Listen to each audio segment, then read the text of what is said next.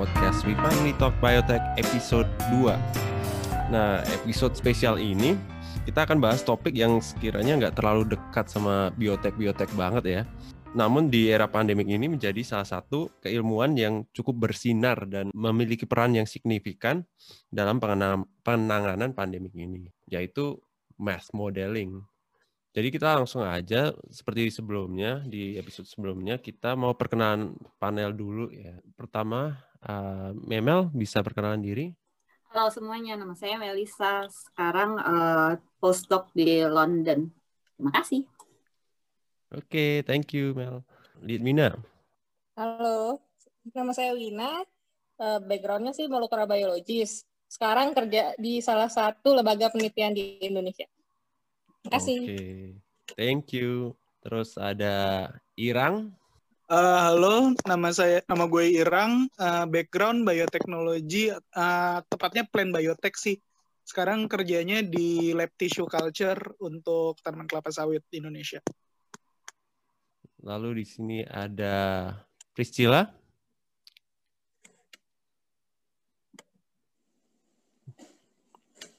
Cila. Halo, nama aku Priscilla. Di sini sebagai penggembira saja. Oh, udah udah gitu aja, Cila. lanjut, Juga lanjut lanjut. Oke, oke. Thank you ya, Cila. Lalu ada Pritania. Oh, halo, nama saya Pritania. Saat ini uh, asisten uh, public health di Jogja. Lalu ada Muhammad Wahyu Hidayat. Ya, halo saya Wahyu. Sekarang kesibukannya sebagai jurnalis di salah satu media arus utama di Jakarta.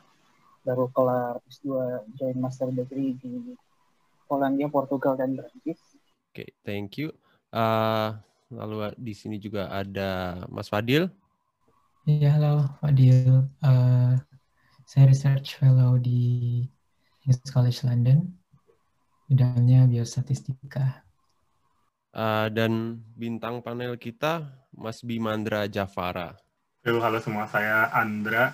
Uh, background saya di statistik dan epidemiologi. Uh, sekarang lagi PhD study di London. Thank you. Dan saya sendiri Rio Hermantara, uh, PhD di bidang Cancer Sciences. Nah, di episode kali ini kita akan bahas dua paper yang saling berkaitan ya dan inti da teknik inti dari yang uh, dua paper tersebut adalah menggunakan math modeling untuk melakukan prediksi uh, terhadap faktor-faktor yang sekiranya dapat memberikan impact terhadap penanganan pandemi tersebut. Dan dua paper ini kebetulan saja uh, penulisnya ada di sini yaitu Mas Andra. Uh, paper pertama kita akan bahas paper di Science dengan judul the impact of COVID-19 and strategies for mitigation and suppression in low and mid-income uh, middle income countries. Uh, ada tiga penulis pertama, uh, Patrick Walker, Charles Whitaker, sama Oliver Watson. Dan Mas Andra ini penulis ke tujuh ya. Mungkin sebelum uh, mulai masuk papernya ini, uh, Mas Andra kira-kira dapat memberikan gambaran sedikit nggak seperti intro introduksi dasar kira-kira math modeling itu seperti apa sih? Uh, biasanya digunakan seperti apa dan untuk apa gitu.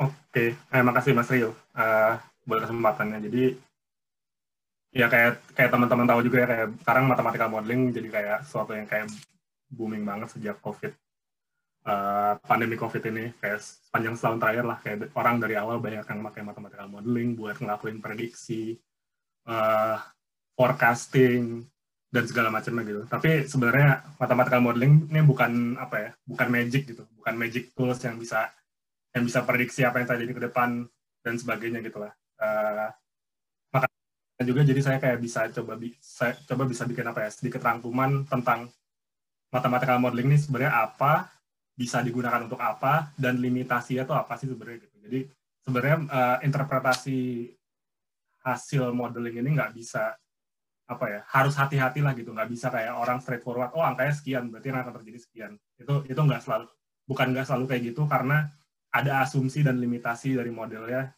uh, yang to some extent kita bisa uh, bilang ini akan terjadi kalau kondisi ini terpenuhi dan sebagainya. Tapi mathematical modeling sendiri, terutama untuk yang memodelkan uh, infectious transmission atau penularan penyakit infeksi ini sebenarnya adalah apa uh, representasi matematis dari proses transmisi penyakit tersebut aja sih. Kayak proses transmisi penyakit itu kan sebenarnya proses biologis ya ada ada host yang terinfeksi ada orang yang susceptible hostnya ini dia di dalamnya ada uh, dia shedding patogen gitu kita bilangnya. Jadi uh, menginfeksi orang lain yang susceptible akhirnya orang ini terinfeksi dan bisa menginfeksi orang lain juga dan prosesnya berlanjut seperti itu nah proses mathematical modeling ini berusaha memformulasikan proses tersebut secara matematis. Sebenarnya sederhananya itu aja sih. Nah ini sebenarnya field yang udah apa ya berkembang dari lama gitu, dari proses teoretikal uh, secara biologi dan matematisnya itu udah dari awal tahun 1900-an lah dari orang uh, uh, kalau misalkan kayak nyari tentang mathematical model mungkin baca tentang Kermack-Mekendrick model, uh, yang mendasari SIR model, tapi juga ada Ronald Prost tahun 1900-an yang juga bikin transmission model buat malaria dan sebagainya. Itu jadi emang prosesnya udah lama. Tapi sekarang jadi berkembang karena uh, jadi berkembang maju karena pertama uh, perkembangan teknologi sih, komputer. Komputer bikin simulasi jadi lebih cepat, proses matematis yang tadinya orang harus nurunin uh, semua rumusnya supaya dapat solusi matematisnya sekarang bisa disimulasikan pakai komputer dan sebagainya. Itu ngebuat uh, jadi lebih cepat perkembangannya. Dan juga tentu dengan penyimpanan proses penyimpanan data juga ya. Apa komputer kita bisa nyimpan data lebih banyak uh, lebih mudah proses transfer data dan segala macam lebih mudah. Jadi kayak pandemik ini kalau kita bisa lihat banyak banget mathematical modeling group di dunia yang fokus ke infectious disease dan juga yang nggak fokus ke infectious disease tadinya. Jadi bisa bisa terlibat juga karena pertama proses datanya sekarang open worldwide uh, terus komputer orang punya uh, mesin yang berarti powerful buat running model dari yang simple sampai yang kompleks dan sebagainya. Nah, kayak ngomongin model yang simple dan kompleks juga mungkin kita sering lihat model matematis ada yang uh, cuman kayak exponential model pakai reproduction number kayak kita tahu bahwa oh ya reproduction number kita kayak ngomong reproduction number kayak berapa banyak orang yang terinfeksi oleh satu orang yang infectious secara rata-rata gitu ya. Jadi kayak kita bisa kayak modeling secara sederhana aja, oh satu orang terinfeksi, misalkan rata-rata menginfeksi dua orang lainnya, populasi numbernya dua gitu. Nanti dia nginfeksi dua, dua nginfeksi dua lagi, masing-masing jadi ada empat, empat nanti nginfeksi dua, jadi ada delapan, dan sebagainya. Itu, itu salah satu modeling yang apa, exponential modeling yang sederhana. Tapi kita bisa juga kayak masuk ke misalkan tadi saya sebut SIR model, susceptible infected recover. Itu masuk ke ranah compartmental modeling. Jadi lebih ke apa ya? Mekanis dia dibilangnya mekanistik model, kompartemental model karena proses biologinya di di apa ya dijabarkan lebih eksplisit lagi gitu. Kita membedakan orang di populasi menjadi orang yang susceptible, ada orang infected dan ada orang yang recover. Dan asumsinya misalkan orang yang susceptible ini bisa diinfeksi oleh orang yang infected, nanti orang yang infected ini setelah sekian lama akan berubah jadi recover. Orang yang recover ini udah punya imunitas, jadi dia tidak bisa terinfeksi lagi dari orang yang uh, yang infected dan imunitasnya ini misalkan kita asumsikan selamanya gitu. Jadi dia akan akan ada selamanya di selama sistem kita akan ada di uh, kompartemen itu terus. Itu asumsi yang misalkan berlaku di SIR model kita gitu. Nanti modelnya bisa kita kembangkan ke lebih kompleks lagi tergantung tergantung penyakitnya gimana gitu dan tergantung research question kita apa. Uh, jadi modeling modeling ini bisa sesimpel mungkin atau bisa sekompleks mungkin. Tergantung penyakitnya itu seperti apa apakah modelnya bisa uh, apakah model yang kita tulis atau model yang kita jabarkan itu bisa menangkap karakteristik utama dari penyakitnya sehingga uh, modelnya tuh bisa apa ya menjelaskan datanya gitu. Jadi misalkan kita punya data. Datanya apa? Misalkan oh data yang kita ambil dari surveillance penyakit itu uh, data infeksi harian misalkan, data kasus yang di report harian gitu. Oh kita punya data kasus yang di report harian, kita punya model matematis kita, bisa nggak uh, model matematis kita menjelaskan datanya itu gitu? Bisa nggak mengcapture pattern yang ada di datanya itu? Ya kualitas capture patternnya tuh pakai apa? Bisa pakai statistical inference, dan sebagainya kayak uh, hasil model kita sama datanya sama nggak gitu patternnya kurang lebih gitulah dan juga uh, apa struktur modelnya bisa tergantung itu dan juga tergantung pertanyaan apa yang mau kita jawab gitu. Apakah ada suatu intervensi tertentu yang mau kita tambahkan di proses akademik kita sehingga uh, yang yang mau kita misalkan oh ternyata penyakit ini akan mungkin bisa lebih bisa dikontrol lebih baik kalau misalkan orang yang terinfeksi kita kuarantin gitu. Jadi ada juga orang bikin susceptible infected recovered quarantine. Karena dia pengen pengen tahu kalau misalkan kita kita bisa transfer orang-orang infectious ini supaya nggak infeksi orang sepanjang sepanjang apa ya lama infeksinya dia di kuarantin jadi dia nggak nginfeksi orang lain. Ada nggak efeknya ke uh, uh, ke prediksi kita dan sebagainya gitu. Itu itu ini apa itu salah satu faktor yang bisa menambah kompleksitas model kita. Jadi intinya sebenarnya matematika modeling ini apa ya orang suka bilang parsimoni gitu kayak kita coba ambil model yang sesimpel mungkin supaya kita bisa jawab pertanyaan yang kita inginkan. Sebenarnya sih itu intinya itu aja karena makin besar kompleksitinya tentu uncertainty-nya juga makin tinggi gitu. Kalau data kita nggak banyak yang menunjang itu ya. Jadi tergantung jumlah datanya juga. Hmm, ya itu intinya sih. Eh, itu sih intinya. Jadi linking biological process dari suatu penyakit ke kejadian penyakit kejadian penyakit tersebut di level populasi gitu. Jadi kita nggak main level. Jadi matematika modeling nggak main di level individu gitu. Kita nggak memprediksi oh individu di rumah ini bakal sakit atau enggak gitu. Itu enggak. Kita kita dilihatnya di level populasi gitu di suatu populasi tertentu kita coba modelkan misalkan di suatu kabupaten di Jawa Tengah gitu atau misalkan di level provinsi bisa juga atau di level nasional juga bisa tapi tentu semakin besar levelnya semakin banyak heterogenitas yang mesti kita account di model gitu. Dan sejauh apa kita mau account heterogenitas itu jadi kayak apa ya macam-macam sebenarnya hal yang perlu kita pertimbangin ketika kita mau memodelkan sesuatu fenomena gitu. Mungkin ada beberapa fenomena yang kita nggak bisa account, yaitu kita bilang itu limitasi kita tuh di sini modelnya. Ini fenomena yang kompleks, tapi kita nggak punya data untuk meng, apa, meng, memasuk uh, apa ya, meng-account fenomena tersebut ke model kita. Tapi hasil modelnya gini.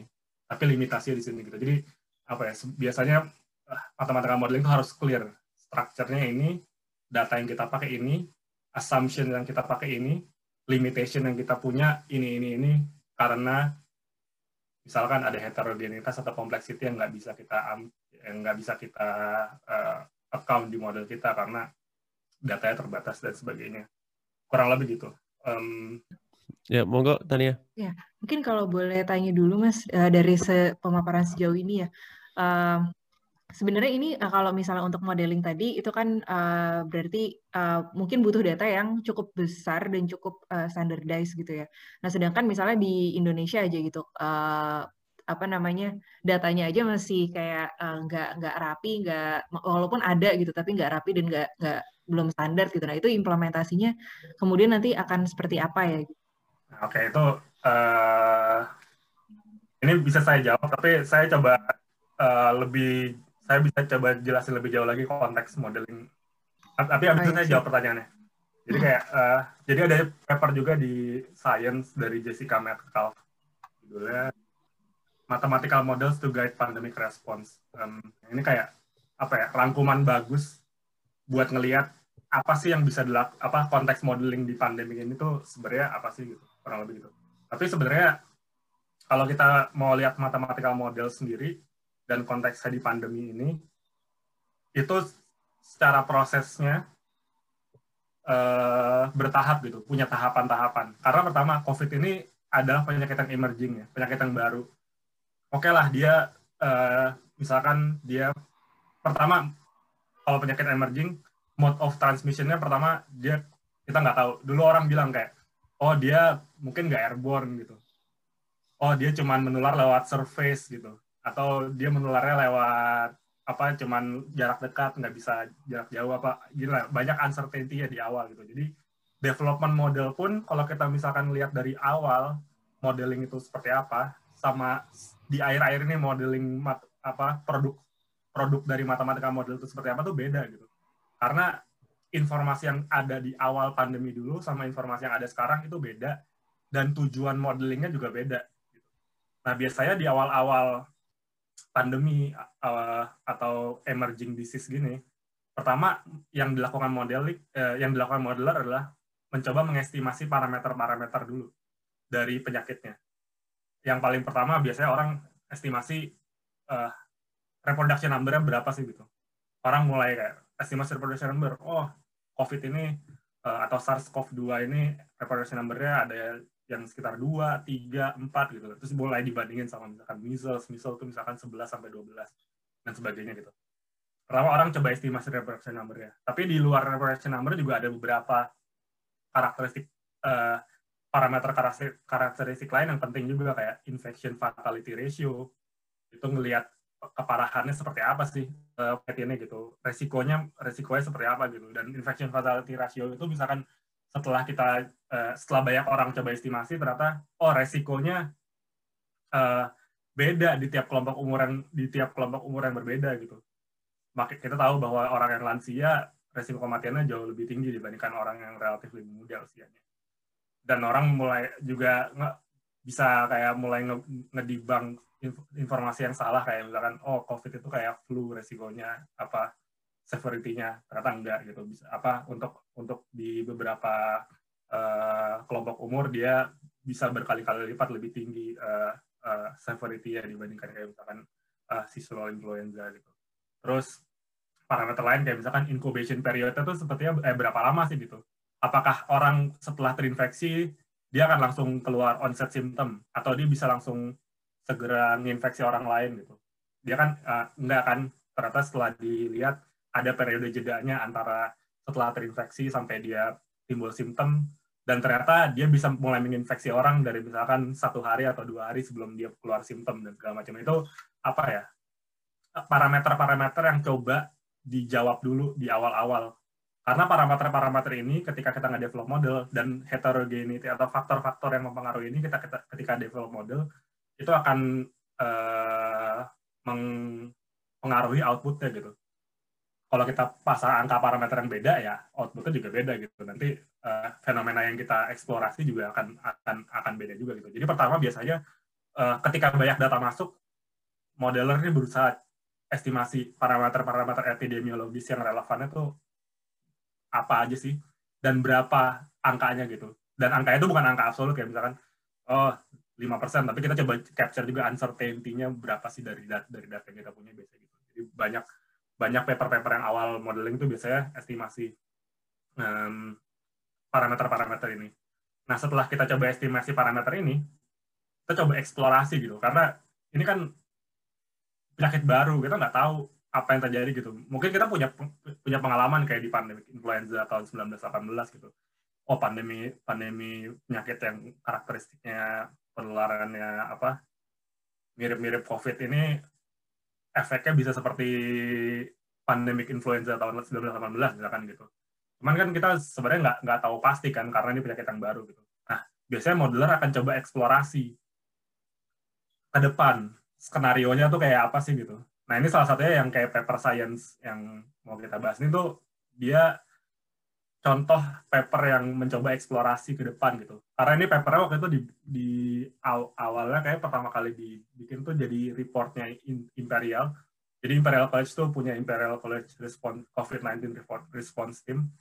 Itu dari awal pandemi sampai sekarang produksi report-report dan paper dan sebagainya. Ini salah satu report yang waktu itu di, di share uh, di sekitar bulan Maret kayaknya atau April jadi uh, ide ide awalnya adalah di setting-setting yang berbeda, di setting negara yang berbeda. Ini konteksnya low and middle income countries berdasarkan income. Itu efek pandemi ini ke depan tuh bisa seperti apa sih? Dan strategi apa yang bisa kita lakukan based on information yang available saat itu. Ini based on information yang available saat itu. Jadi mungkin kalau misalkan nanti kita bahas terus kayak kayak ngeliat ah, kayaknya yang terjadi nggak kayak gini deh. Ini informasinya tuh konteksnya pada saat itu tuh kayak gini gitu. Effort yang pertama kita lakukan adalah ini epidemic pandemi ini bisa gawat kalau misalkan nyebar ke lower, lower middle, middle income countries karena kita punya ide ABCD ini gitu. Kita coba eksplorasi kira-kira gimana sih. Itu di awal biasanya estimasi parameter terus eksplorasi model terus kalau misalkan kita udah punya misalkan wave pertama udah kayak kita eh, di covid ini biasanya di dunia ada first wave second wave ya gitu kayak di UK ada first wave segala macam di Indonesia mungkin nggak ada first wave second wave masih first wave tapi kita bisa coba eksplorasi retros retrospektif gitu modeling juga bisa digunakan untuk uh, melakukan eksplorasi retrospektif ini maksudnya gimana? Jadi misalkan setelah first wave selesai, kita lakukan lockdown misalkan. Oh, lockdown itu uh, ngebuat wave yang pertama turun. Terus setelah kita uh, keluar dari wave yang pertama ini, kita coba analisis lagi retrospektif ke belakang. Kalau misalkan kita nggak lockdown, apa sih yang akan terjadi? Berapa banyak sih kematian yang kita prediksi kalau ternyata kita nggak lockdown? Misalkan kemarin lockdown, oh kita observasi sebanyak 10.000 kematian. Nah, mathematical models ini bisa kita gunakan kalau kita bisa guna kalau kita bisa produce model yang parameter plausible terus bisa mereplikasi apa yang terjadi selama lockdown kemarin, kita bisa juga mem, kita juga bisa simulasikan modelnya untuk memproduksi uh, semacam skenario kalau lockdown tuh nggak terjadi gitu.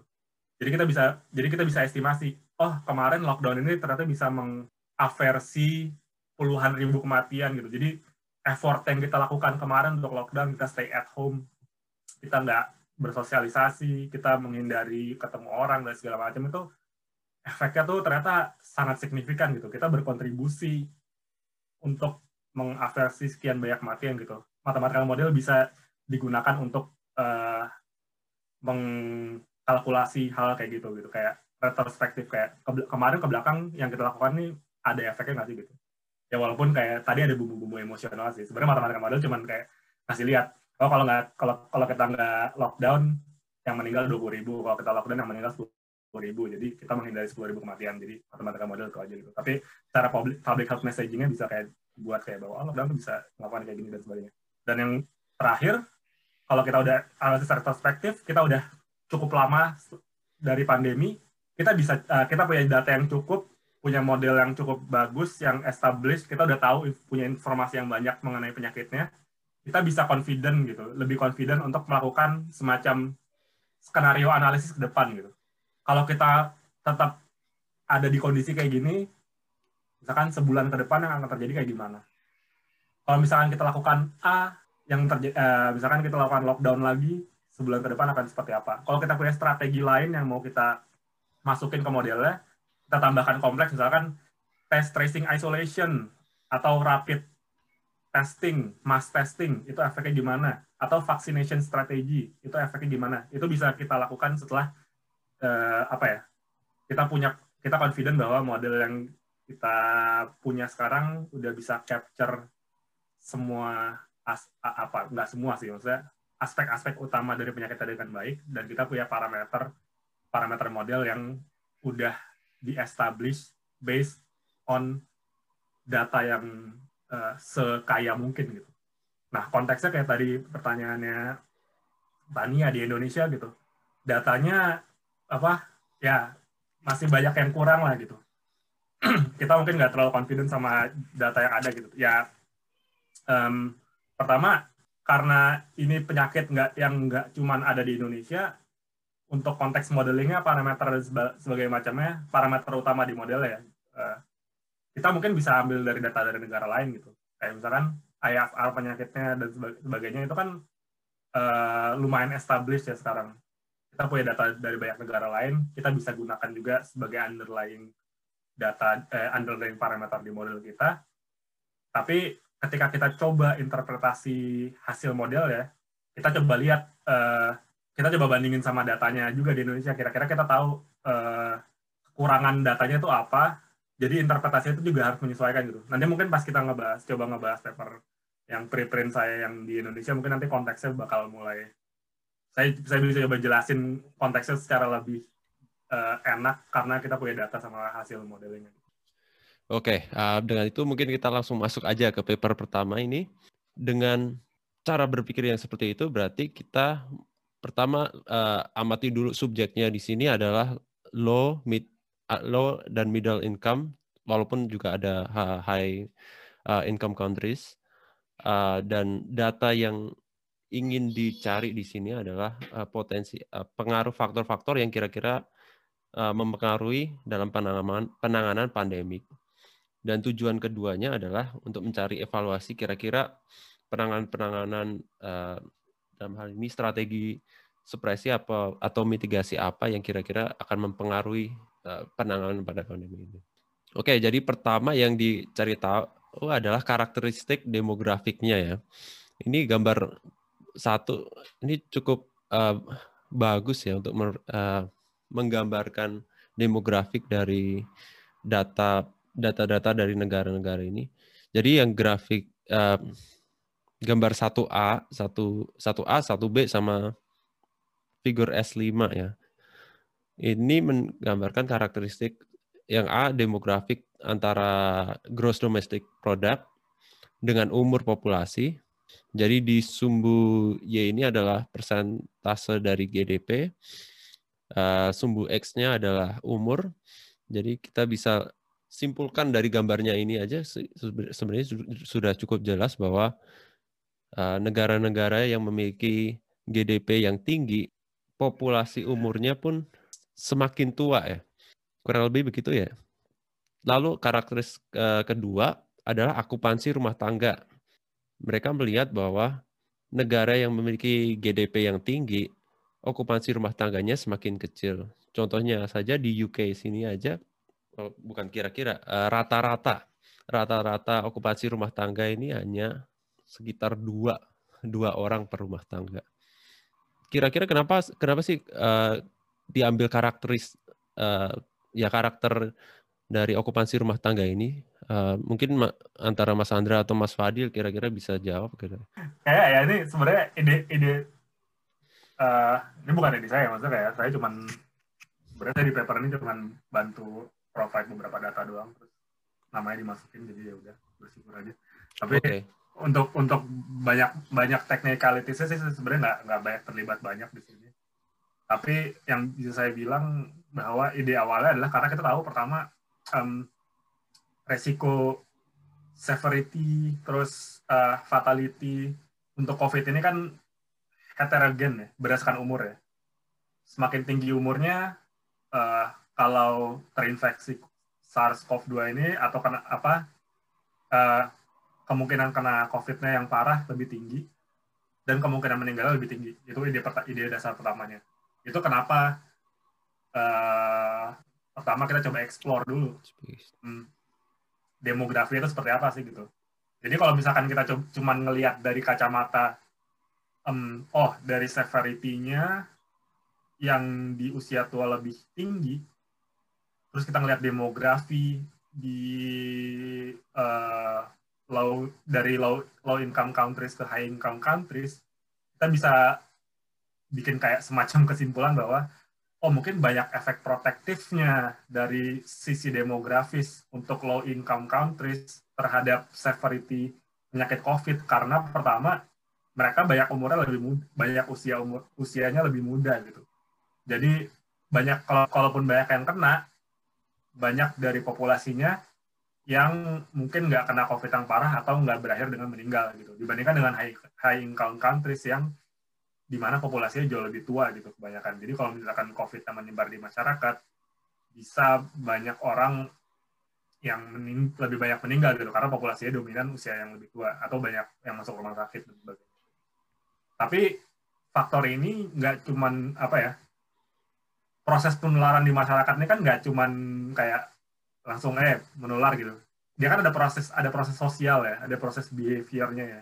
Inilah yang coba di capture dari kayak ukuran householdnya seperti apa dan kontak kontak mixing pattern itu seperti apa gitu. Jadi kalau misalkan lihat di yang di grafik yang bawahnya itu uh, itu coba ngeksplor uh, ngeksplor apa ya negara-negara dengan mixing uh, uh, mixing pattern yang berbeda gitu. Kayak uh, berapa banyak kontaknya per hari di kelompok umur dengan kelompok umur yang dengan kelompok umur yang berbeda gitu dan sebagainya macam. Hmm. Jadi uh, ya jadi ini coba uh, mengeksplorasi dulu uh, demografis dan sosial behaviornya kurang lebih seperti apa sih yang secara Oke. ide mungkin akan mempengaruhi outcome dari model.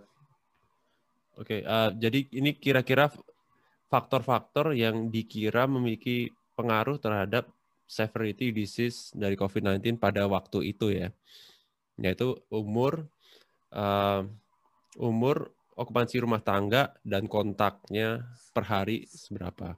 Severity di level populasi ya gitu. Bukan ini bukan resiko Oke, individu. Severity. di- Oke, di- tapi secara outcome population-nya nanti bakal gimana gitu. oke. Nah, b- berdasarkan data ini, data-data ini dimasukkan ke SIR model, SIR model. Ini ada grafiknya. Kira-kira ada yang mau ditambahin nggak, Mas? Mungkin mungkin bukan bukan bukan grafik yang terbaik untuk menjelaskan SIR model. Apa yang kompartemen yang warna hijau di kanan bawah ini mungkin bukan yang terbaik untuk menjelaskan SIR model.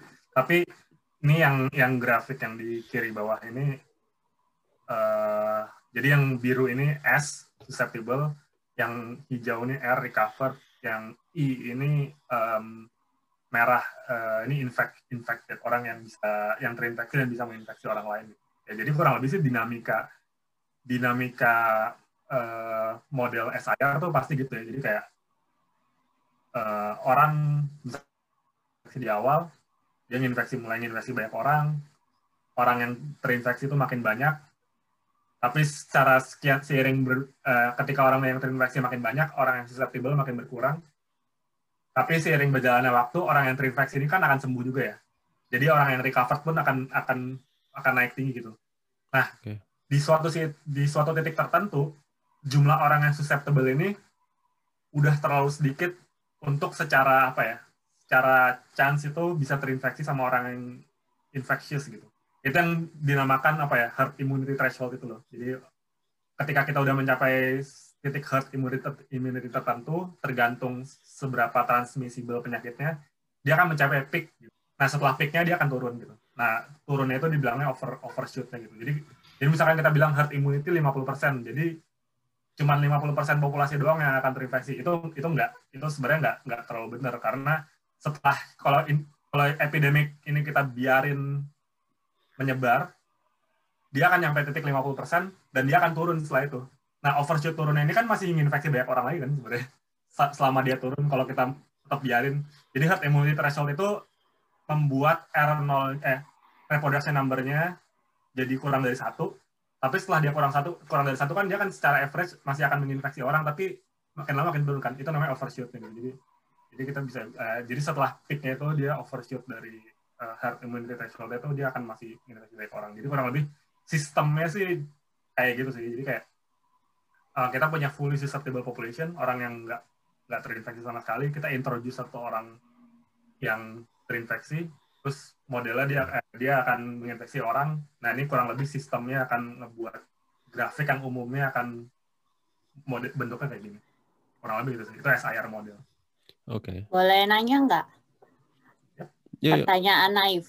Kalau di model ini berarti kita nggak consider sama sekali reinfection ya? Nope, nggak. Oke. Jadi SIR model itu secara apa ya? Secara umum kalau orang mendefinisikan SIR model itu adalah eh, si susceptible ini bisa terinfeksi eh, oleh orang yang infected.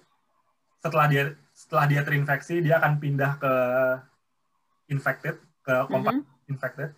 Si orang infected ini dia kan nggak akan terin, eh, dia diasumsikan nggak akan terinfeksi selamanya. Dia setelah berapa lama dia akan sembuh, akan recover dan timbul immunity gitu. Nah, Oke. dan dia pindah ke R. Nah, setelah dia pindah ke R, dia punya immunity, dia nggak akan dia nggak punya eh, dia nggak bisa di, terinfeksi lagi gitu. Jadi dia nggak bisa pindah ke I lagi. Tapi kalau misalkan ternyata eh, jadi ini yang paling sederhana lah kurang lebih gitu. Kalau misalkan nanti kita misalkan punya immunity itu misalkan waning over time, kita bisa bikin SIRS model gitu. Misalkan immunity-nya waning setelah berapa lama, orang yang dari R dia bisa pindah ke S lagi gitu. Kita bisa pindah kita bisa bikin panah kompartemennya di ke S lagi terus parameter rate of transition dari R ke S-nya tuh berapa kita bisa define tergantung karakteristik penyakitnya seperti apa gitu. Jadi ya modelnya tuh benar-benar fleksibel tergantung penyakitnya seperti apa, kompleksitas penyakitnya seperti apa, dan yang mau kita capture di modelnya itu seperti apa. Oh, Oke, thank you. Oke. Oke, berarti uh, kita keep in mind bahwa data-data setelah ini adalah menggunakan SIR SIR S, gimana? SIR model uh, yang uh, dipakai di sini berarti ini berasumsi bahwa orang-orang uh, yang telah terinfeksi dan recover memiliki sterilizing immunity. Oke, ini adalah hasil dari SIR modelnya. Yang pertama gambar 1C, D, sama E ini menggambarkan proporsi populasi yang akan terinfeksi bila nggak tidak ada mitigasi sama sekali. Uh, perbedaan untuk 1C, D, E ini adalah eh, negara-negara uh, yang ada di low income, eh, high income dulu untuk yang 1C, uh, middle income, sama dan low income countries. Dan kira-kira kalau bisa uh, kita tarik kesimpulan di sini adalah oke okay, uh, di sumbu Y ini adalah proporsi populasi infeksi uh, dengan faktor 0 sampai 1 dan sumbu X adalah uh, umur. Dan dari tiga gambar ini sih kalau dari saya sendiri sih menyimpulkan bahwa untuk di ini kembali lagi ini populasi yang terinfeksi ya. Untuk yang high income countries yang gambar 1C ini ada beberapa negara yang kemungkinan rate infeksinya enggak tidak akan terlalu tinggi atau ya kira-kira 0,6 0,7 lah. Sedangkan untuk yang low income countries ini hampir semuanya akan terinfeksi bila tidak ada mitigasi sama sekali. Lalu terus untuk satu F ini, uh, ini lalu, uh, menjabarkan lagi, memasukkan uh, faktor R not R not dari eh, R R 0 lah R0 atau R not R not uh, dengan R not 3 kira-kira perlu dijelasin dulu nggak R not ini apa?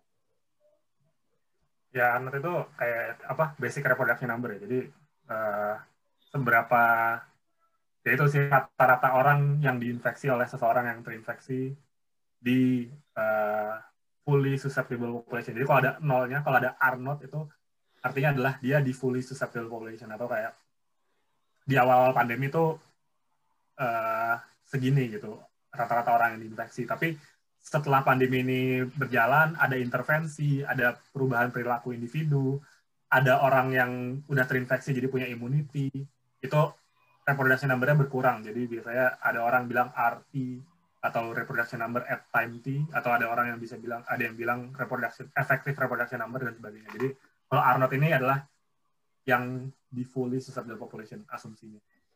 Nah, terus ya sebenarnya value R not 3 2,3 dan sebagai tiga setengah ini uh, sensitivity analisis saya sih uh, lebih ke apa ya eksplorasi karena di awal-awal pandemi dulu kita cuma tahu bahwa range R nya tuh sekian antara sekian sampai sekian gitu. Kita nggak tahu pasti berapa gitu.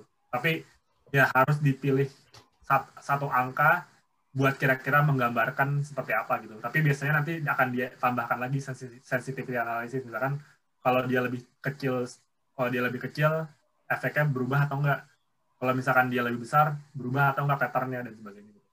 Intinya ada sensitivity analysis lah dia di parameternya. Ketika kita nggak ketika kita nggak nggak apa ya nggak nggak certain gitu bahwa Arnold itu pasti sekian. Dan mau nambahin tentang SIR lagi sih kayak ini kalau ngelihat yang gambar 1C itu dia bilang age structure SIR model gitu. Jadi SIR tadi kan kita cuma uh, asumsikan ada tiga kompartemen ya SIR kalau age structure itu artinya adalah populasinya kita pecah lagi jadi uh, age structure. Uh, jadi SIR model itu nanti ada SIR untuk orang usia 0 sampai 10 tahun. Ada SIR untuk usia uh, 11 sampai 20, SIR usia 21 sampai 30 dan seterusnya. Jadi misalkan kita punya asumsi misalkan orang usia 0 sampai 100, kita bagi jadi 10 kompartemen uh, umur, kita punya SIR untuk masing-masing 10 age group itu. Jadi kita punya 30 kompartemen model gitu. 30 kompartemen model ini dikoneksikan oleh kayak matriks. Matriksnya tuh matriks kontak. Kalau tadi di sebelumnya di uh, itu ya ada semacam kontak rate per kapita antar kelompok umur gitu ada di eksplorasi itu. Nah itu tuh ditranslate ke sebuah matriks yang matriks ini menghubungkan antar uh, antar kompartemen strukturnya gitu. Jadi uh, kurang lebih model ini mengcapture bagaimana suatu populasi itu mixing antar kelompok umurnya. Kurang lebih gitu. Itu Hmm. jelasin kenapa eh, yang gambar satu CDE ini agak beda-beda nih. Kayak misalkan contohnya di high income countries kita tahu eh, ini kan final proportion of population infected ya. Ini terinfeksi ya gitu. Dia kena kena kena kena paparan virus atau enggak gitu. Kita lihat bahwa ada di beberapa grafik yang ungu di high income countries eh, rendah banget proporsi orang lansianya yang kena gitu. Ini adalah efek dari mixing population mixingnya itu. Jadi mungkin di negara-negara itu orang-orang yang tua itu banyak tinggal di care home kayak di UK kita apa banyak banget orang tinggal di care home kan. Di sini kan kayak outbreak-nya banyak terjadi di care home dan sebagainya.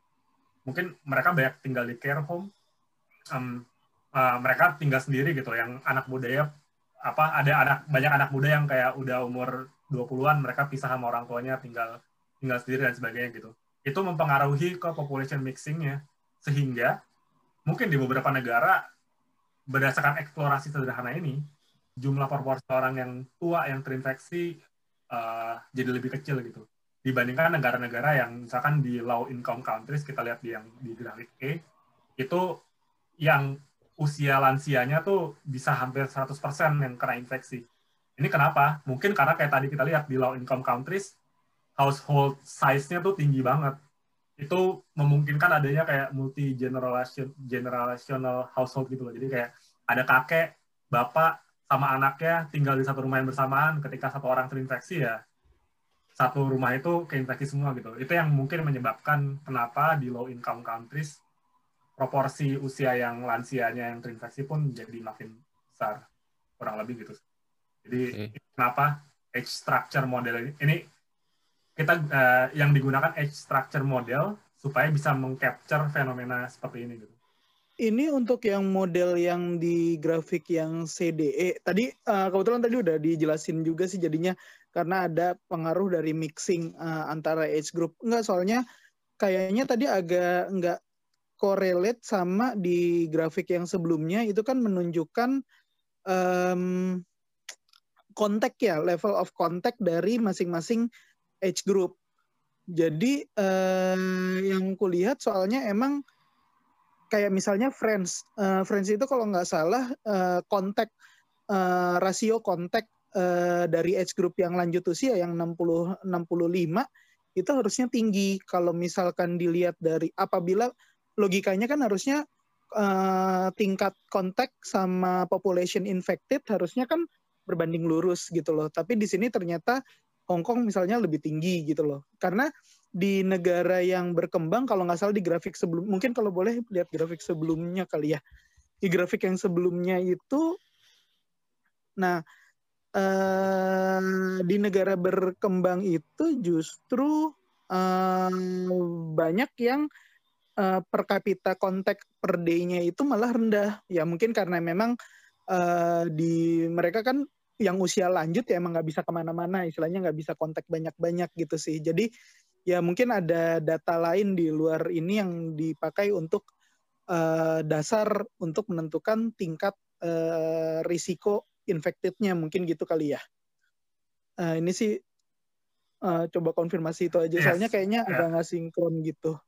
Ya, jadi eh, ini kan per kapita kontak per day untuk per kelompok umur ya. Jadi misalkan oh orang yang usia muda dia secara per kapita dia kontak dengan orang lainnya lebih tinggi gitu. Tapi ada konteks lain yang harus eh, yang sebenarnya mungkin nggak nggak kelihatan di grafik ini tuh eh, dia kontaknya tinggi tuh sama orang usia kelompok umur berapa sih gitu? Apakah sama orang yang tua, apa sama orang yang seumuran dia, atau sama orang lebih muda dan sebagainya gitu. Jadi mungkin kalau misalkan di daerah-daerah yang eh, kayak misalkan yang tadi rendah efeknya gitu, mungkin yang si orang tua ini kontaknya banyak kan sama orang yang usia tua aja gitu, jadi terpaparnya juga lebih sedikit gitu. Eh, sama uh, sama orang sama orang muda yang lebih mobile lah kurang lebih gitu. Jadi selain kontak per kapitanya berapa banyak uh, yang juga di capture sama modelnya nih siapa kontak sama siapa sih gitu. Heterogenitas kontaknya itu seperti apa? Uh, si muda ini biasanya kontaknya sama yang lebih, lebih tua apa yang yang sama umurnya dan sebagainya. Jadi mixing antar populasinya juga di, dilihat gitu. Nggak cuma berapa sering berapa sering dia kontak gitu. Dari kontak per kapita. Oke okay, thank you.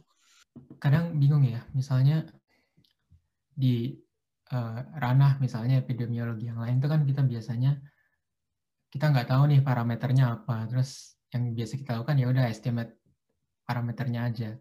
Tapi kan tadi misalnya ada ada satu proses di mana kita nggak kita nggak tahu parameternya apa terus kita estimate dulu. Terus di modeling yang lain kita sebaliknya kita pengen tahu nanti kira-kira ke depan gimana gitu. Sebenarnya misalnya mathematical modeling ini lebih condong ke mana sih mas? Lebih ke yang apa ya gampangnya parameter estimate atau kita udah estimate-nya tahu terus kita berusaha mem, mem, menjawab estimate yang lain gitu loh. Sebenarnya gini ya kayak susah sih di ngebilang karena kalau kita bilang matematikal itu satu kesatuan gitu. Kalau kalau kalau kalau menurut saya itu satu kesatuan ya karena pertama ada beberapa estimasi yang mungkin di awal diestimasi nggak melalui matematika model gitu. Kayak misalkan ngitung IFR. Kita punya kayak kasusnya berapa, terus ada yang meninggal, kita tahu berapa. Terus kita misalkan punya sero serologi survei, kita tahu berapa berapa populasi yang ter, apa berapa populasi yang kira-kira udah terinfeksi. Dari situ kita coba estimasi pakai statistical model kan buat estimasi IFR misalkan itu kan statistical model ya terus itu parameter yang di fit ke mathematical model gitu itu mathematical mathematical model by definitionnya nggak nggak mencoba mengestimasi IFR itu, tapi kita memakai output dari IFR ke model kita gitu. Tapi bisa juga kayak prosesnya, misalkan um, kita nggak punya nggak punya apa ya survei anti, antibody gitu, kita punya data yang limited, kita mau coba estimasi IFR di setting lain, ya kita bisa gunakan mathematical model untuk kayak reproduce semacam epidemiknya di suatu populasi gimana dengan asumsi IFR sekian untuk estimasi IFR baru gitu sesuai konteks misalkan daerahnya menggunakan matematika model. Itu juga bisa melakukan proses gitu gitu. Jadi apa ya ini uh, matematika model by definition ini adalah kayak uh, ya tadi representasi uh, proses transmisi di uh, secara matematis secara struktur matematis dan equa mathematical equations yang bisa digunakan untuk menjawab berbagai pertanyaan tergantung informasinya apa dan pertanyaan yang mau dijawab apa gitu. Dan dia punya limitasi tentunya gitu. Jadi kita harus harus lihat limitasi dari model seperti apa gitu. Ya proses pendugaan parameter itu bisa ya macam-macam. Bisa digunakan matematika model atau matematika modelnya cuma pakai outcome dari estimasi lain sebagai input parameter itu juga bisa. Jadi tergantung konteksnya sih Terus misalnya uh, ini kan misalnya uh, modeling ini dibuat ketika awal pandemi misalnya. Ini bulan apa tadi mas? Maret ya kayaknya ya. Terus kita udah mau satu tahun setelah itu biasanya modeler ini pernah ini nggak? Misalnya oh setelah ini kita bandingkan dengan yang observe yang kita bandingkan dengan models yang kemarin kita buat gitu. Saya saya saya, saya jarang baca paper modeling infectious disease soalnya itu biasa dilakukan nggak? Atau gimana sih caranya kita tahu bahwa modeling yang kita lakukan itu uh, baik sehingga nanti mungkin ke depan misalnya periode pandemi yang ke depan ya memang caranya begini gitu atau misalnya kita oh ternyata jelek terus kita eksplorasi misalnya jeleknya apa oh ternyata parameter ini kita belum masukin nih kenapa yang kemarin modelingnya ternyata nggak begitu bagus dibandingin dengan observe gitu? Atau gimana sih biasanya? Ya ini ini mungkin eh, ini dari sekedar knowledge saya karena apa ya ya karena pandemi ini juga sih karena saya juga nggak apa ya ya sebenarnya proses menarik gitu kayak ngelihat gimana proses modeling di awal sampai sekarang ada di akhir ini. Kayak kalau misalkan ditanya kayak ada nggak sih kayak semacam evaluasi apa segala macam ya bentuk evaluasi ini pertama karena ini sensitif sih ya apa modeling ini sensitif karena banyak orang yang kayak oh hasil modeling hasil modeling kayak gini. Terus orang kayak menginterpretasikan kayak ini kan explore ini kan explore ini kan salah satu contoh exploration ya. Ini adalah suatu skenario yang mungkin terjadi ke depan kalau eh, parameter-parameter model yang digunakan sama model structure ini beneran uh, menggambarkan karakteristik disease-nya gitu. Bisa juga enggak, bisa juga enggak terjadi kayak gini karena berbagai macam faktor karena kita belum account faktor lain yang ternyata signifikan gitu ketika kita develop modelnya di awal. Tapi ini kan emang tujuan awal eksplorasi dengan berbagai macam limitasi ya. Jadi uh, secara hati-hati pun biasanya modeler akan akan bilang bahwa this is like illustration or exploration based on available data gitu yang harusnya bukan jadi suatu apa ya suatu kayak absolut gitu bahwa ini akan terjadi gitu. Enggak gitu. Jadi seiring berjalannya waktu pun model yang dipakai di sini yang nanti bukan bukan untuk yang awal nih nanti ada kayak yang mitigation suppression model itu namanya square model di developnya.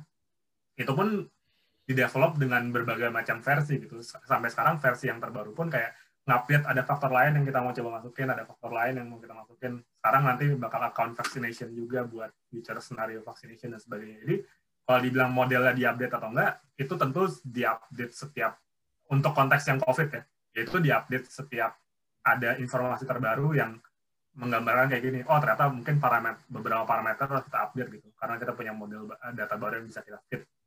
Oh ada aspek baru dari penyakitnya oh kita update misalkan kompartemennya kita tambah. Oh ada suatu intervensi baru yang mau kita tes.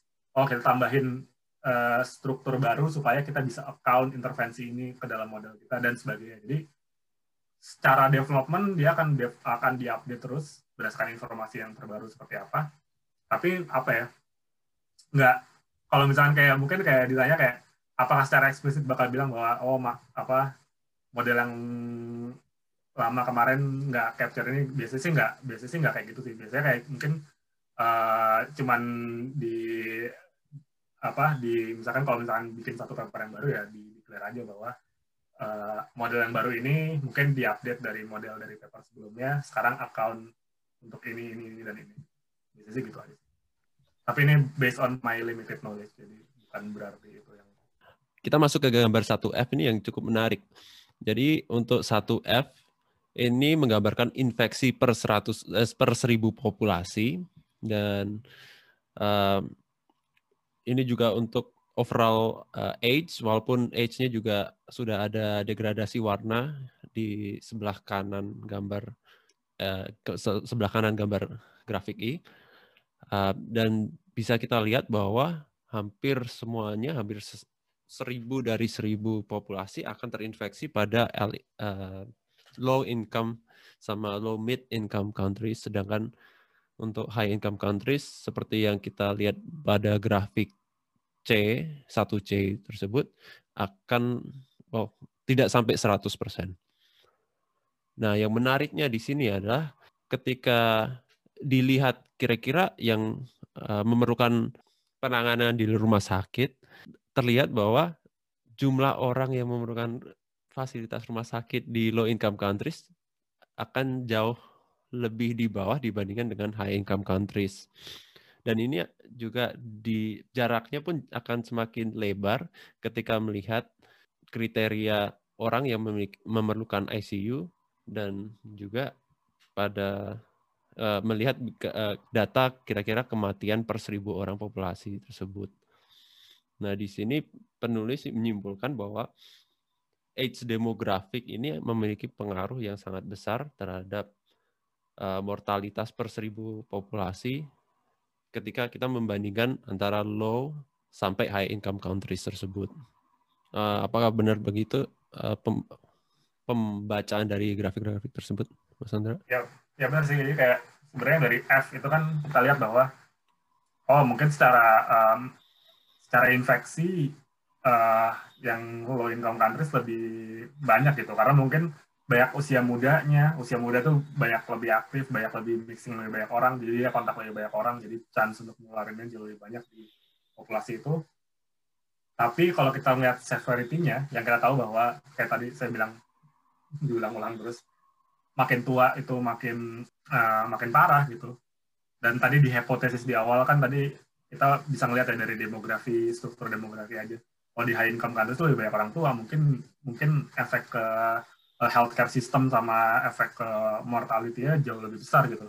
Dan dan dari model SIR yang kita eksplorasi ternyata oke okay, apa ya based on model SIR kita dengan parameter-parameter yang sebelumnya, kita bisa lihat bahwa oh emang kayaknya uh, untuk kalau kita bandingin per 1000 population gitu, um, high income countries mungkin pressure ke healthcare-nya akan lebih tinggi dengan asumsi bahwa semua negara ini punya healthcare capacity yang sama gitu. Tapi yeah. itu itu yang akan jadi dasar uh, eksplorasi selanjutnya gitu apakah semua negara ini punya healthcare capacity yang sama gitu? Enggak, ternyata ternyata enggak gitu. Oke, jadi cerita so far di gambar satu, sampai gambar satu ini uh, semacam memberikan narasi bahwa low low income countries karena memiliki demografik umur yang uh, muda itu membuat mereka advan memiliki advantage terhadap pandemi ini ya. Itu dengan asumsi kualitas kesehatan dan komorbiditas uh, profil komorbiditas tuh sama semua untuk semua uh, untuk semua countries tersebut. Dan ternyata ketika dimasukkan faktor hospital kualitas fasilitas kesehatan ini akan berbeda. Lalu masuk ke gambar dua ini mereka mengambil dan menganalisa data-data dari World Bank mengenai hosp availability hospital beds dan intensive care unit beds. Ini semacam uh, gambaran kasar kapasitas ya, kapasitas uh, fasilitas kesehatan tiap negara tersebut.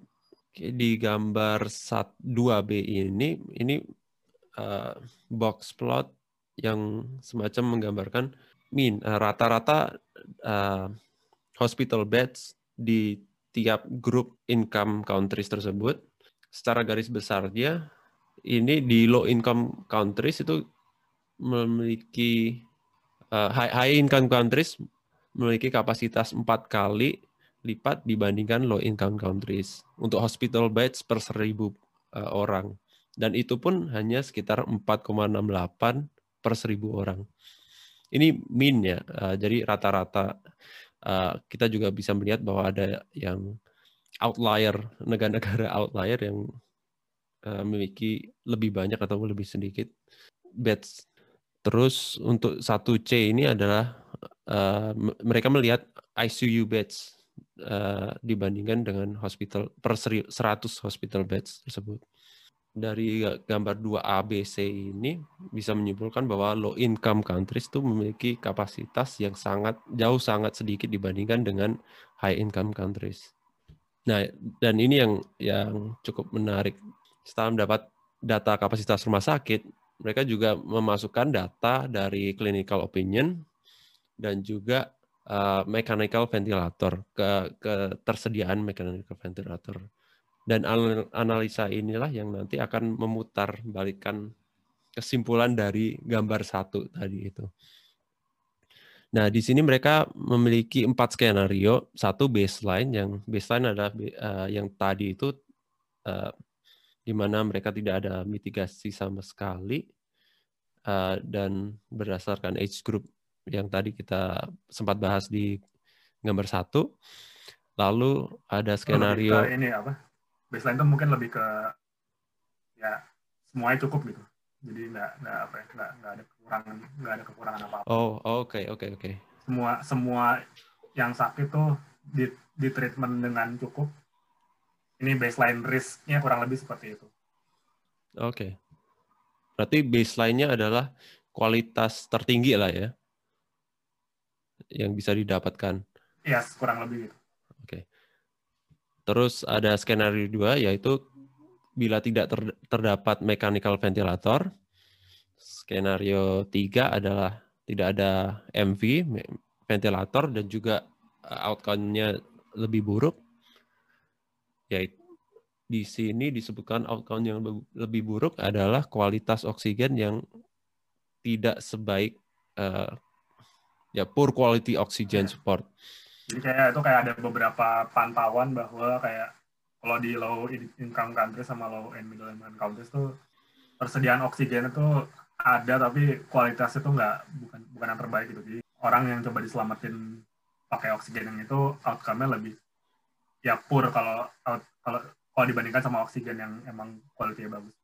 Skenario terakhir itu yang paling parah, yaitu tidak ada ventilator dan tidak ada oksigen sama sekali. Gambar 2D ini menggambarkan uh, high income countries ya, skenario ketika high income countries, di mana uh, sumbu Y ini adalah infection fatality ratio, dan sumbu X adalah age groups, dan kita lihat ada peningkatan dari uh, eh, IFR age group yang semakin tua dan kita juga bisa memperlihatkan bahwa skena, tiap skenario ini akan menambahkan uh, meningkatkan infection fatality rate ratio-nya. Jadi mungkin kayak mungkin kayak beberapa ini sederhananya kayak kalau misalkan uh, yang usia 50 sampai 55 itu sebenarnya risiko kematian baseline-nya uh, dibandingkan usia yang 70 sampai 75 jauh lebih kecil gitu. Tapi ketika si usia 50 sama 55 ini dia kena severe infections, butuh ICU, tapi di ICU yang nggak ada mechanical ventilation sama nggak ada oksigen gitu, dia ternyata resiko kematiannya bisa jadi sama sama orang yang usia 70 sampai 75, tapi di negara yang punya fasilitas uh, eh, ICU yang yang baik. Kurang lebih gitu sih. Oke. Okay. Di grafik yang 2E ini juga uh, cukup menjelaskan sih. Jadi di grup 1E eh, 2E ini adalah uh, eh, IFR di tiap uh, grup negara. Ini adalah average across age group ya. Uh, di mana ketika baseline low income countries LIC itu infection fatality ratio-nya adalah 0,24 dibandingkan sama high income countries 1,03.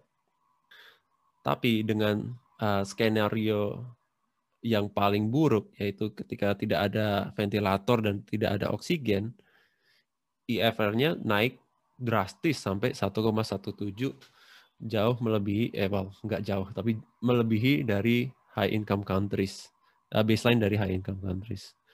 Ini menunjukkan bahwa kualitas dan kuantitas fasilitas kesehatan ini sangat-sangat menunjang penanganan terhadap pandemi ini dan memiliki efek yang jauh lebih besar di low income countries dibandingkan high income countries. Kira-kira begitu ya atau gimana? Teman-teman sendiri gimana dalam uh, mengambil kesimpulan di gambar ini? Kalau saya kayak ya ini apa ya? Ini kan ini eksplor ini eksplorasi gitu kayak eksplorasi statisnya tuh gini gitu. Kayak kalau misalkan um, kita punya skenario yang lebih buruk as in healthcare capacity kita healthcare capacity kita overwhelmed sehingga kita nggak bisa apa dokter-dokter atau tenaga kesehatan nggak bisa taking apa ya nggak bisa merawat pasiennya secara optimal dengan fasilitas yang lengkap gitu. Risikonya tuh akan jadi lebih berbeda gitu. Ini, ini sih yang ini sih message-nya tuh message-nya lebih lebih ke arah sana sih. Ini secara statis kita lihat profil uh, dari in, apa dari countries dengan income yang berbeda kalau kita lihat yang E ini kan strategi apa ya across age group ya. Kayak rata-rata weighted by demographic profile gitu. Lower income countries kenapa baseline-nya kecil? Karena tadi kita tahu bahwa di awal demografiknya lebih berat ke yang muda gitu. Tapi apakah ini akan kayak gini terus? Uh, enggak karena kalau kita kalau terjadi skenario terburuk ketika healthcare kapasitasnya overwhelmed terus uh, clinical apa penanganan klinis uh, penanganan pasiennya itu nggak nggak optimal ada skenario yang lebih buruk lagi gitu untuk fatality profile ya kurang lebih gitu sih. Ini secara statis gitu. Nah modelingnya itu nanti akan di uh, akan coba eksplorasi secara dinamis gitu. Ketika pandemi apa ketika epideminya beneran berjalan terus apa um, negara-negara itu masing-masing punya healthcare capacity yang berbeda-beda hitting threshold healthcare capacity-nya pun di waktu yang berbeda-beda dengan rentang periode waktu yang dengan rentang periode waktu yang berbeda-beda tergantung healthcare capacity yang mereka gimana, impact-nya pun akan berbeda-beda nanti. Jadi ini secara statis, tapi modeling modeling itu akan coba account informasi ini dan akan coba modeling secara dinamis. Yang yang account uh, faktor-faktor kayak uh, kapasitas healthcare di masing-masing negara itu seperti apa? Bakal lebih.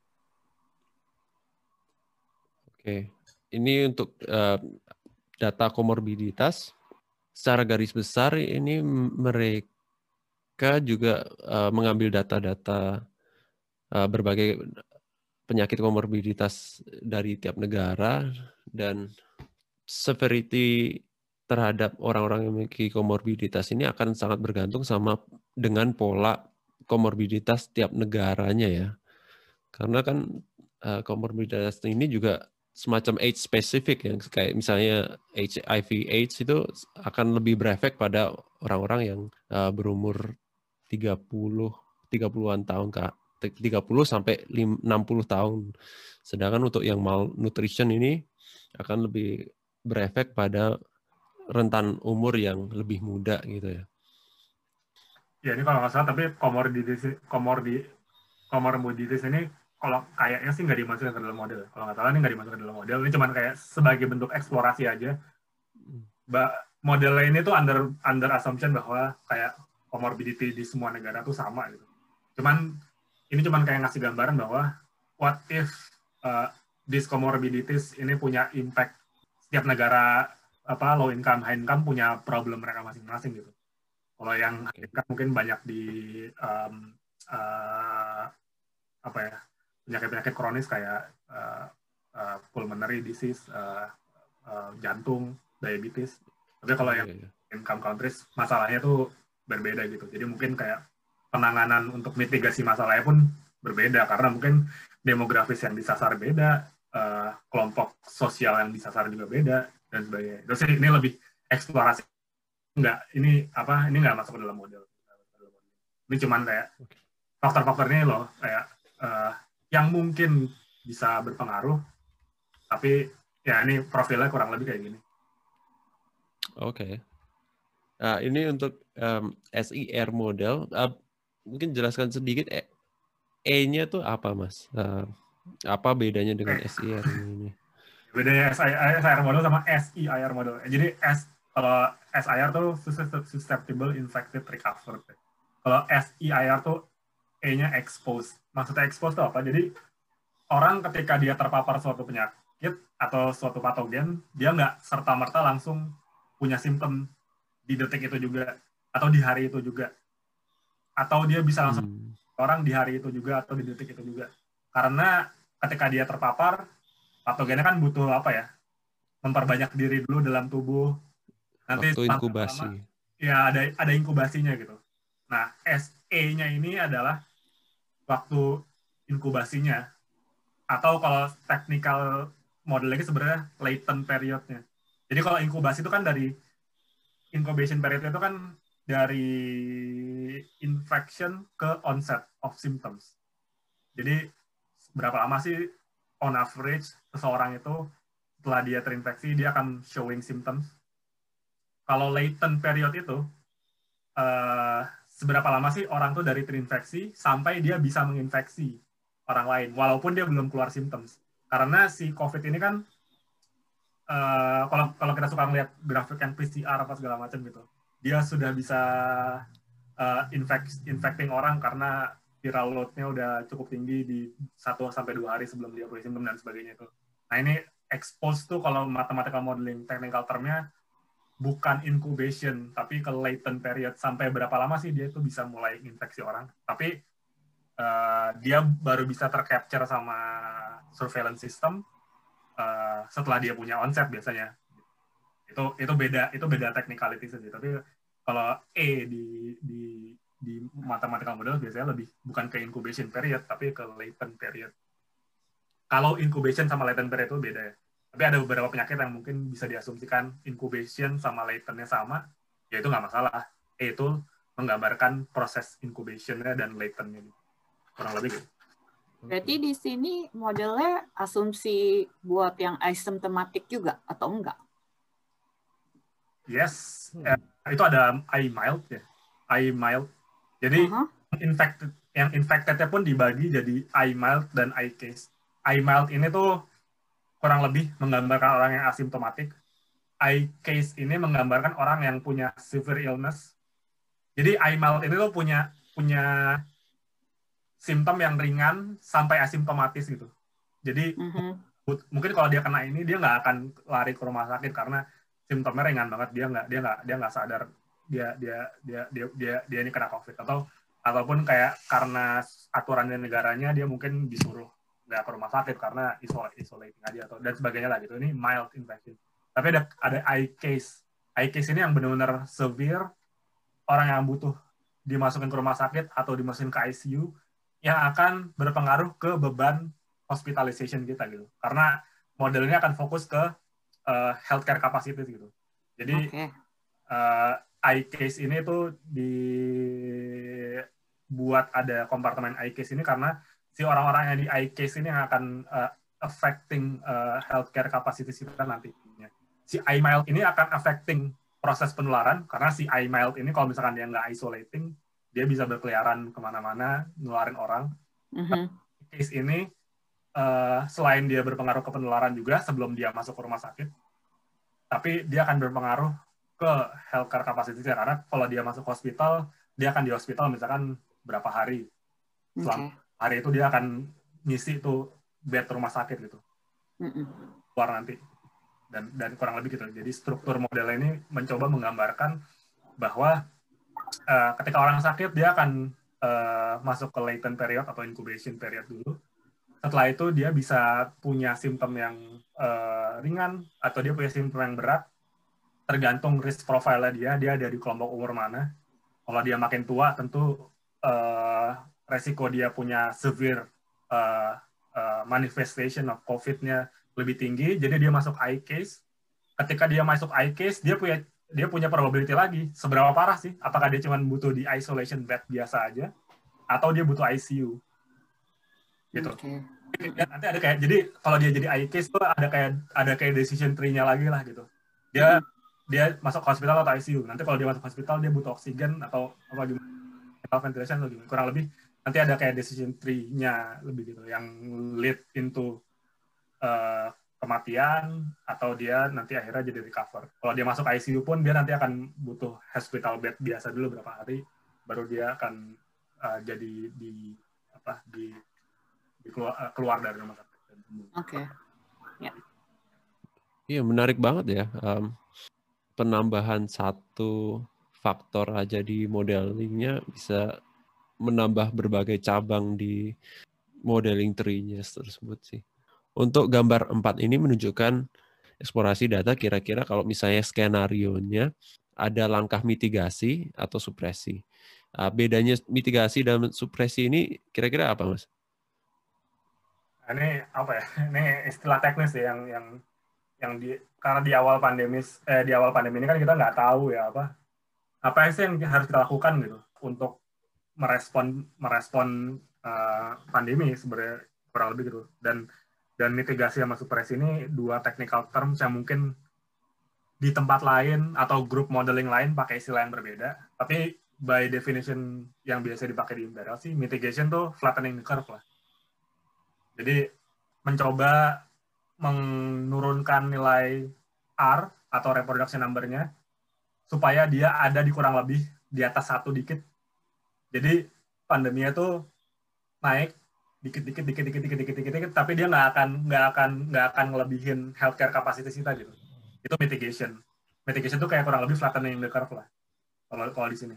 Kalau suppression itu adalah uh, New Zealand strategi gitu kayak crush the curve habisin sampai tapi kalau di sini konteksnya sampai dia sedikit uh, infeksinya setelah itu kita relaxation tapi yang bisa kita lihat di grafik A ketika kita relaxation dia akan naik lagi gitu. Jadi nggak terkendali lagi kalau kita nggak ngapa-ngapain lagi sebenarnya sih intinya gitu. Cuman kalau New Zealand kan dia di crash sampai ancu sampai sampai di crash sampai zero kasusnya dia nggak dia nggak punya orang dari luar negeri datang atau dia screeningnya bagus di bordernya jadi nggak ada introduction lagi gitu. Jadi uh, uh, epideminya nggak nggak nggak kalaupun ada mungkin ada satu dua tapi langsung di manage gitu. Jadi kurang lebih gitu sih bedanya mitigation sama istilah mitigation sama suppression tuh mitigation itu kurang lebih flattening the curve. Suppression tuh uh, uh, tekan sampai serendah-rendahnya, habis itu gasnya dilepas. Dibuka. Oke. Jadi untuk langkah mitigasi ini adalah langkah yang uh, dilakukan seterusnya ya, berarti ya. Tidak ada relaksasi sama sekali atau uh, begitu. Ya kurang lebih gitu sih. Jadi kayak kita ada di keadaan itu sampai lama. Yang penting dia nggak ini nggak nggak exit Nggak. kapasitas kita gitu. Harap Oke. apa tujuannya tuh itu. Jadi um, uh, peak-nya lebih landai lah kurang lebih gitu. Kalau misalkan dia unmitigated nggak nggak kita apa-apain kan peak-nya tinggi. Kalau misalkan kita mitigated itu karena reproduction number lebih kecil, dia akan lebih slow, gradually naiknya. Terus pas dia nyampe puncaknya pun puncaknya nggak akan setinggi kalau kita nggak apa-apain kalau kalau dia kalau dia unmitigated. Nah mungkin kayak saya coba bisa kayak langsung quickly jelasin yang B-nya juga. Ya yang B yang B-nya itu ya ini aja apa dengan skenario yang berbeda. Misalkan dia di mitigation pun kalau dia punya unlimited healthcare ya outcome mortality-nya lebih kecil dibandingkan kalau dia eh, nggak punya nggak punya apa ya kalau dia punya kapasitas rumah sakit yang terbatas. Jadi sebenarnya apa ya modeling ini intinya cuman mungkin ini hal-hal yang kita udah tahu ya. Ya kalau misalkan kayak tadi dari grafik resiko yang tadi kita udah lihat kan ya kalau misalkan nggak punya eh, healthcare capacity yang tinggi ya akan suatu saat dia akan overwhelm dan outcome pasti lebih lebih tinggi apa lebih lebih parah gitu dibandingkan yang punya healthcare capacity yang tinggi. Apa ya modeling ini kayak semacam memformalisasi apa yang ada di pikiran kita terus disimulasikan sehingga jadinya angka gitu. Jadi apa yang kita duga di awal kayak tadi mungkin ya terkonfirmasi di sini kurang lebih kayak oh ternyata kalau misalkan dia di mitigation skenario pun di negara kita harus berhati-hati juga sama negara-negara yang punya kapasitas uh, fasilitas kesehatan yang terbatas. Karena bisa kita lihat bahwa grafiknya uh, itu lebih lebih tinggi uh, dibandingkan yang punya kapasitas ter- kesehatan yang dalam tanda kutip unlimited lah gitu. Atau lebih tinggi lah kurang lebih. Tapi ngebandingin grafik ini kan grafik over time ya. Ngebandinginnya jangan jangan puncaknya aja sih karena ini kan mortality ya. Tapi whole area under the curve ya itu kalau kita mau bandingin berapa banyak sih kematian yang yang di limited healthcare sama yang unlimited healthcare ya kita harus lihat total di bawah curve-nya berapa terus kita bandingkan sama total di bawah curve yang atasnya berapa. Jadi ya kalau kelihatannya sih kayak ah, itu kayak cuman dua ah, bukan cuman ya itu kayak dua kali lipat kurang lebih. Tinggi ya tapi sebenarnya itu bukan dua kali lipat kalau kita total mungkin jauh lebih lebih berkali-kali lipat. Ini karena grafiknya over time jadi bukan bukan kumulatif tapi kayak Right. uh, ya mortality daily Ini lanjutan dari gambar 4A yang mungkin lebih mengkompartmentalize apa membagikan per income negara uh, dari low income sampai high income countries-nya. Untuk 4C, D sama E. Yang C ini memperlihatkan uh, kebutuhan untuk ICU, yang D memperlihatkan I- IFR dan E adalah mortality. Secara garis besar sih kira-kira kesimpulan apa sih Mas yang yang bisa diambil dari uh, 4C, D sama E? kayaknya uh, mungkin yang paling yang, yang eh, kita coba lihat dari yang grafik E aja ya total mortality-nya. Kalau kita asumsikan di semua negara itu healthcare capacity unlimited, di low income countries kita expect-nya kematiannya lebih kecil daripada high income countries karena based on demografi aja gitu. Tapi ketika kita tahu bahwa di low income countries itu kondisinya mungkin healthcare capacity itu limited, kalau kita lihat gambar yang warna merah yang paling kanan itu kita bisa estimasi eh, estimasi modelnya bahwa eh, kematian di low income countries bisa jadi lebih tinggi di, daripada high income countries yang punya keadaan healthcare kapasitasnya lebih tinggi. Kurang lebih gitu. Jadi kayak ini eksplorasi eksplorasi aja bahwa di low income countries despite eh, eh, advantage in demografi in konteks di di konteks COVID ini yang semacam punya efek protektif karena uh, demografi lebih muda, jadi less severe and less mortality.